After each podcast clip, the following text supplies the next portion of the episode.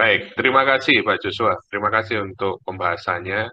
Uh, satu refleksi yang sangat menarik buat kita sebagai profesional procurement dan supply chain. Hari ini kita tidak, memang tidak banyak terlalu membahas uh, hard skill ya, terlalu sepaneng atau terlalu capek kita kalau tiap bulan membahas mengenai hard skill procurement ya Pak. Jadi ini Pak Joshua memberikan materi yang sangat menarik dan kalau saya lihat di kolom komen, Pak, sudah ada beberapa pertanyaan dari peserta. Yang pertama dari Pak Sintong Maruhum Lumban Toping. Beliau menanyakan, eh, apa saran dan masukan Bapak apabila seseorang mencintai bidang pekerjaannya, mampu menampilkan keahlian atau skill yang baik dan terus meningkat, namun sering kali terkendala karena keputusan manajemen perusahaan yang kurang rasional. Contoh, reward insentif yang tiba-tiba ditiadakan atau dihilangkan. Nah, ini pertanyaan dari Pak Sintong. Silahkan Pak Joshua bisa memberikan uh, feedbacknya, Pak. Silahkan, Pak. Jadi orang yang mencintai pekerjaannya mampu menampilkan keahliannya, tapi ya. dia ini ya apa namanya tidak dapat reward yang baik gitu ya. Iya. Dari pekerjaannya simpelnya seperti itu ya. Iya. Jadi itu adalah uh, apa ya jalan sunyi yang kadang-kadang kita harus lewatin ketika kita menekuni passion kita. Tadi kan saya sampaikan kan, ketika kita menekuni passion kita itu uh, kita akan apa namanya ada di satu fase yang orang-orang tuh nggak ada yang like, nggak ada yang subscribe, nggak ada yang reshare. Artinya apa? Mungkin kadang-kala ketika kita menjalani itu, itu kita nggak terlalu diapresiasi, atau kita merasa tidak terlalu diapresiasi, tidak terlalu mau dilihat. Dan ini yang menentukan apakah sebenarnya itu bidangnya kita bidang yang kita tekunin itu passion kita atau enggak. Kalau kita passion kita, kita akan jalan terus. Karena karena passion itu sebuah perjalanan. Nah, ketika seperti itu, uh, sebentar saya cari ini apa namanya salah satu quote yang selalu jadi jadi apa namanya meng, selalu menghibur saya ketika ketika saya sedang down gitu ya ketika saya menjalani passion ini dan tidak ada yang like subscribe atau share tadi ya. jadi ketika kamu bekerja kalau kamu tidak menghasilkan uang hasilkanlah pengetahuan kalau kamu tidak menghasilkan pengetahuan, hasilkanlah pengalaman. Kalau kamu tidak menghasilkan pengalaman, hasilkanlah pengertian. Kalau kamu sudah menghasilkan semua itu, tidak mungkin kamu tidak menghasilkan uang. Nah, jadi itu Pak uh, Pak Sintong ya. Jadi kalau Bapak tidak merasa tidak dihargain, Bapak harus menghasilkan pengetahuan dari yang Bapak kerjakan. Kemudian menghasilkan pengalaman dan pengertian, tiga itu. Dan kalau Bapak sudah menunggu sampai waktu yang yang cukup lama gitu ya, tidak ada reward yang lebih bagus, itu mungkin waktunya Bapak untuk mencari orang yang mau memberi Bapak penghargaan yang lebih.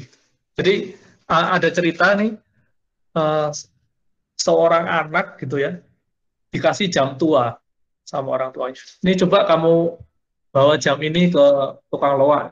Tukang loa bilang, ini jam ini saya hargain sepuluh ribu gitu ya. dia balik ke bapaknya pak cuma dihargain sepuluh ribu nih sama tukang loa.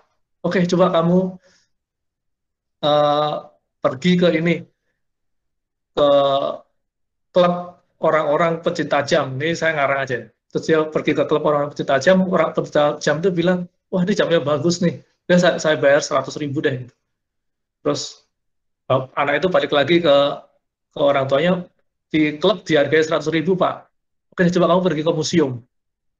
Di sana ada ahli sejarah yang paham sekali mengenai histori sebuah jam. Dia pergi ke museum, sebelum wah ini jam langka ini. Ini cuma di, dibuat cuma ada 10 di dunia. Ini kalau kamu mau jual saya bayar uh, eh, 10 juta. Nah, poinnya apa? Kadangkala kita tuh ada kita bekerja di di area yang orang nggak menghargai skill kita. Kita bekerja di tadi di tukang di tukang loa atau kita bekerja di uh, klub peci tajam. Nah, mungkin udah waktunya kalau misalnya sudah tadi semua dilakukan ya, kita sudah uh, bisa menghasilkan pengertian, pengetahuan, pengalaman, tapi tetap nggak dihargain ya, mungkin harus cari perusahaan yang mau menghargai skill Bapak sih. Itu saran saya. Pak Sintong, mudah-mudahan menjawab. Oke, uh, terima kasih Pak Joshua. Pak Sintong, jika ada yang mau ditambahkan, silakan. Uh, jawaban dari Pak Joshua ini sangat dalam ya, artinya pengalaman saya pribadi juga sama Pak. Kadang ketika kita sudah memberikan yang terbaik uh, dan tidak diberikan penghargaan oleh perusahaan kita, bahkan eh, tanpa kita mencari pun kita diberikan jalan, Pak. Karena semesta mendukung katanya. Apa yang sudah kita lakukan. Oke, terima kasih Pak Joshua. Berikutnya ada dari Luisa. Uh, Pak Joshua, saya ingin menanyakan menurut pendapat dan pengalaman Bapak, jika ada dua orang yang satu berada di kuadran dua, atau suka dengan pekerjaan tapi skill belum mumpuni dibandingkan dengan orang lain yang berada di kuadran tiga atau tidak suka tapi skill lebih jago, mana yang lebih baik dan akan lebih punya potensi untuk karir yang lebih baik? Pertanyaan bagus sekali Luisa. Jadi kalau teman-teman baca tulisan saya yang terakhir di blog itu saya kasih pertanyaan mau sukses dulu baru bahagia atau bahagia dulu baru sukses singkat cerita, yang lebih baik itu yang suka tapi skillnya belum mumpuni daripada tidak suka tapi skillnya jago. Kenapa? Uh, hidup kita ini cuma sekali gitu ya. Jadi jangan sampai kita ngerjain sesuatu yang membuat kita uh, batin kita tersiksa. Seperti Michael Ben tadi. Teman-teman bisa bayangin ya, Michael Ben itu selama saya lupa di umurnya berapa waktu cedera ya. Kayak umur 30-an deh. Dari kecil, dari umur 7 tahun atau 8 tahun sampai umur 30-an, anggap aja 25 tahun, itu batin dia tersiksa melakukan pekerjaan yang tidak dia yang tidak suka. Coba dibayangin deh, selama 20-30 tahun melakukan pekerjaan dia suka, walaupun dia jadi jadi juara dunia. Jadi menurut saya lebih baik yang kuadran dua. Nggak suka tapi dia suka. pas yang, uh, yang yang suka ya, tapi skillnya belum belum Mumpuni. belum di sana itu. Dia masih punya kesempatan untuk belajar gitu. Karena lama-lama kalau dia memang akhirnya menemukan oh ini passion gua di SCM gitu kan. Nanti akhirnya dia karena uh, dia punya ability, ability untuk bisa bisa melakukan dengan baik, akhirnya bisa master, ya, bisa menguasai dengan baik gitu. Dan ketika itu dia akan akan flow. Kan seperti tadi uh, terakhir ya, dia flow gitu ya. Waktu berjalan dengan cepat. Dan ketika ada tantangan, bahkan ketika pengalaman yang dialami oleh uh, Pak siapa tadi yang saya lupa namanya yang pertama tadi bertanya ya, nggak ada nggak ada like, nggak ada share, nggak ada subscribe itu tetap merasa ini. Gitu tetap, tetap akan jalan terus. Nggak give up.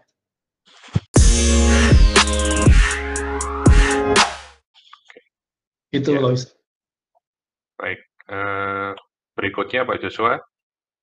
Dari Ike Putri. Pak Joshua ketika saya mengaplikasikan ilmu yang saya peroleh di kantor rupanya perusahaan masih belum ingin untuk melakukan perubahan yang sesuai. Jadi hanya sekitar 20% dari ilmu yang bisa diterapkan. Bagaimana dengan kasus seperti ini? Silakan Pak Joshua. Ya, kita ini profesional. Jadi profesional itu uh, asal katanya dari bahasa Latin uh, profesio, yang artinya janji publik. Orang yang berjanji publik itu adalah orang yang akan mengatakan sesuatu yang secara profesional itu benar uh, baik dan benar harus dilakukan. Bukan orang-orang yang ABS, yang asal Bapak senang gitu ya. Yang selalu mengatakan ke atasannya supaya hal-hal yang atasannya senang dengar gitu ya. Nah, jadi karena kita profesional, ketika kita mau melakukan perubahan, terus uh, apa namanya ada resistensi gitu ya. Kemudian yang yang mendukung, yang like, subscribe sama yang share itu sedikit ya tetap tetap harus kita lakukan dengan konsisten. Karena kita orang profesional. Terus kita sampaikan ya mungkin yang paling kadang-kala ya dari pengalaman saya itu uh, bukan hal yang baik itu yang ditolak, tapi cara menyampaikannya.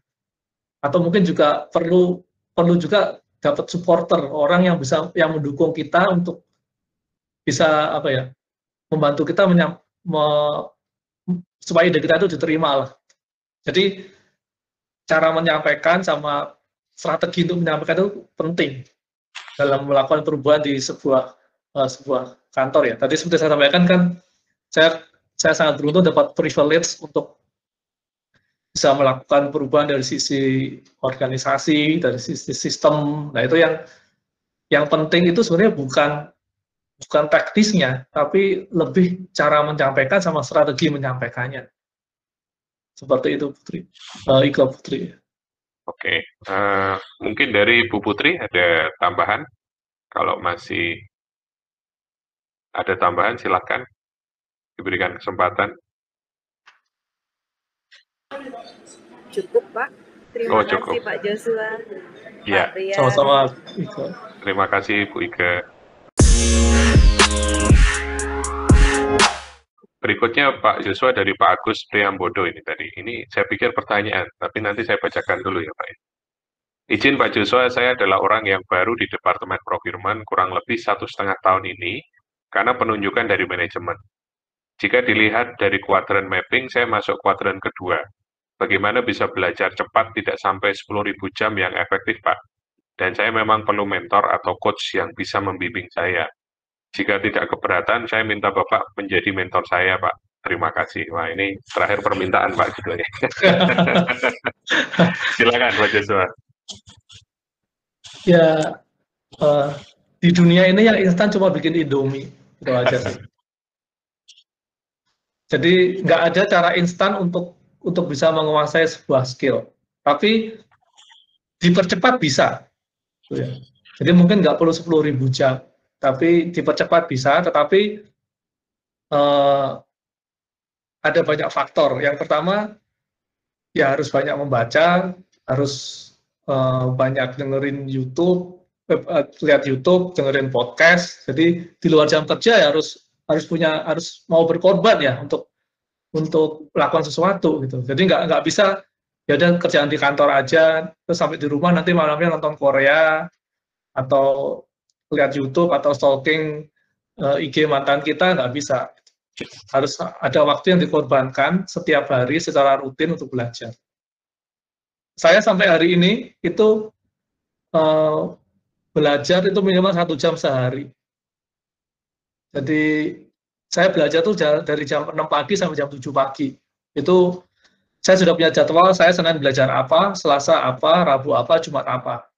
Dan saya nggak belajar cuma hari Sabtu sama Minggu aja. Ini saya sampai hari ini. Jadi saya punya topik-topik yang saya pelajari secara khusus. Uh, meskipun kadang-kala jam 6 pagi itu pas bangun, ada masalah di kantor yang saya harus cepat-cepat tanganin, tapi ya saya harus konsisten berusaha konsisten dengan jadwal yang saya buat. Ya, sampai saat ini saya masih belajar. Ya, apalagi Agus ya, yang baru satu setengah tahun, kamu harus belajar sehari lebih dari sejam. Saya aja yang udah 20 tahun, saya masih belajar sejam sehari, gitu ya. Apalagi ini. Terus yang kedua, kerjaan di kantor itu kalau bisa volumenya cukup tinggi. Gitu. Jadi kalau sehari cuma, misalnya di procurement cuma bikin cuma tenderin satu atau dua ya akan lama jadinya. Tapi kalau tendernya banyak terus sulit, nah itu akan mempercepat.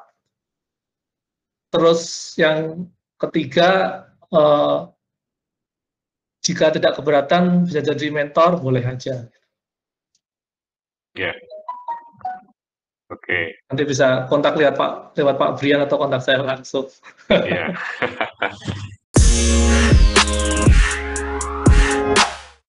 Oke, uh, kalau dilihat dari daftar pertanyaan sudah tidak ada lagi. Saya memberikan satu kesempatan pertanyaan langsung bertanya ke Pak Joshua.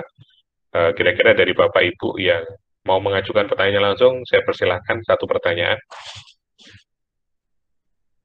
Ada? Ya, silakan Bu Iga. Terima kasih waktunya Pak Brian dan Pak Joshua. Uh, yeah. Bapak, pertanyaan saya adalah uh, begini. Jadi saya di bidang procurement sudah sekitar delapan tujuh delapan tahun lah Pak. Begitu. Dan di kantor saya yang saya bekerja sekarang ini, Kak, saya sudah tujuh tahun, hampir tujuh tahun.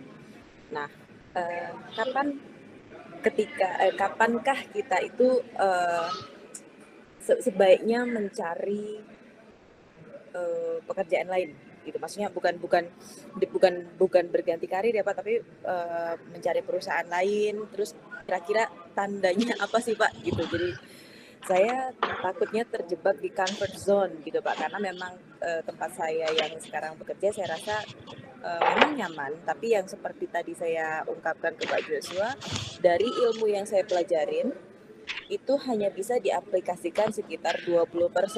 Jadi kantor tempat saya bekerja sekarang itu memang memberikan kesempatan saya untuk belajar.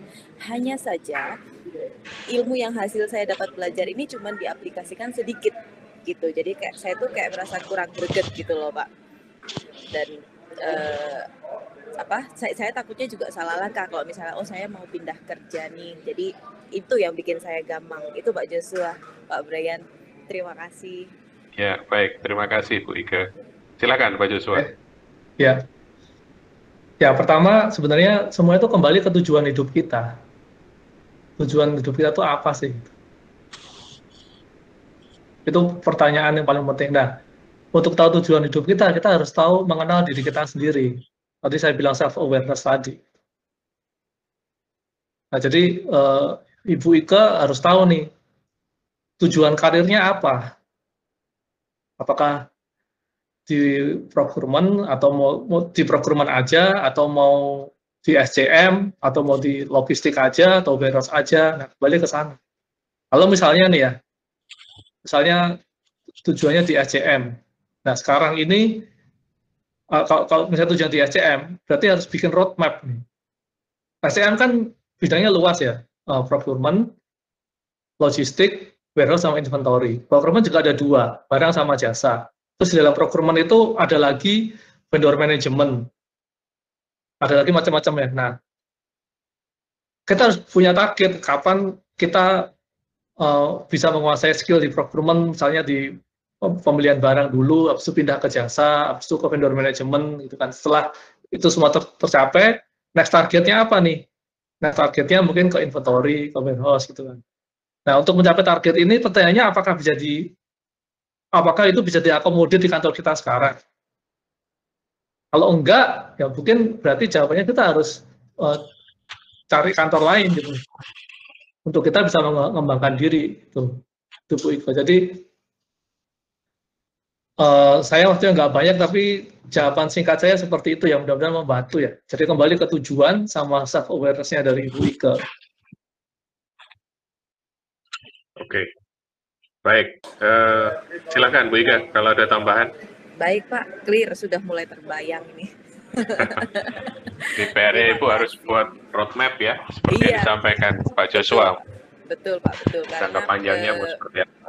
Iya, itu sangat uh, good point sekali. Jadi saya juga baru terbayang, oh iya juga ya. Terima iya. kasih iya. banyak Pak Joshua, Pak Brian. Iya, sama-sama. Kalau, kalau, kalau kita nggak punya tujuan, ya akan terlena di di zona nyaman terus gitu.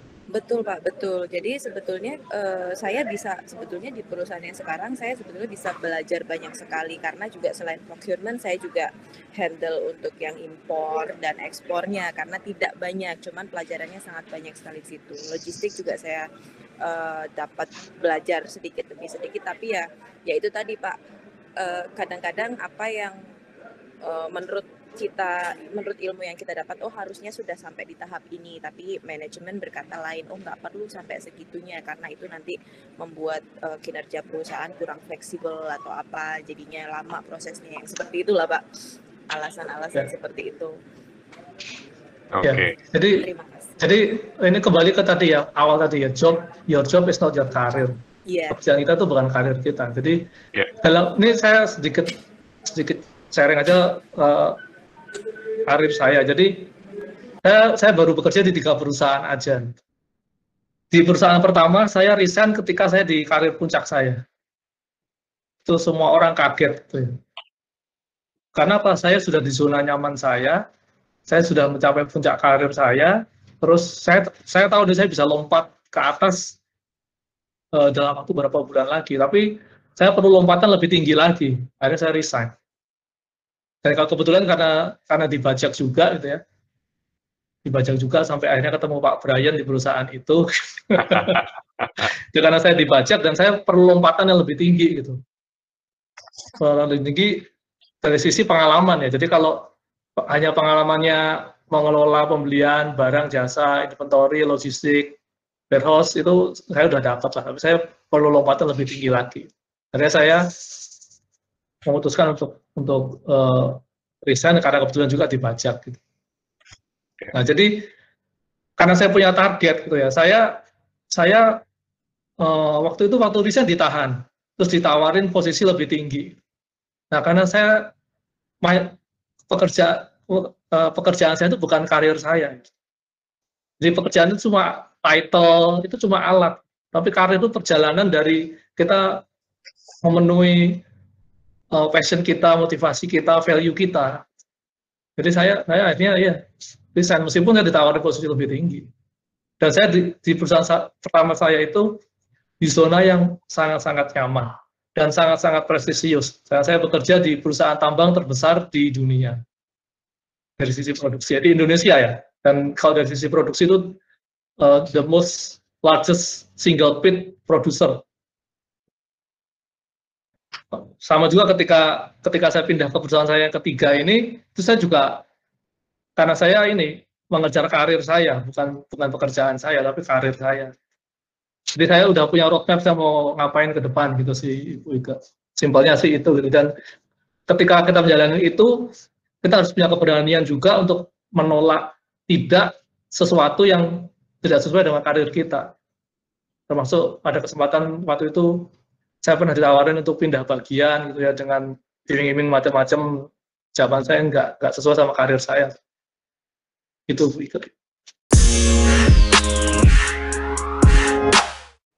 berikutnya Pak ini ada beberapa pertanyaan tambahan. Yang terakhir mungkin dari Kemilau Yasmin.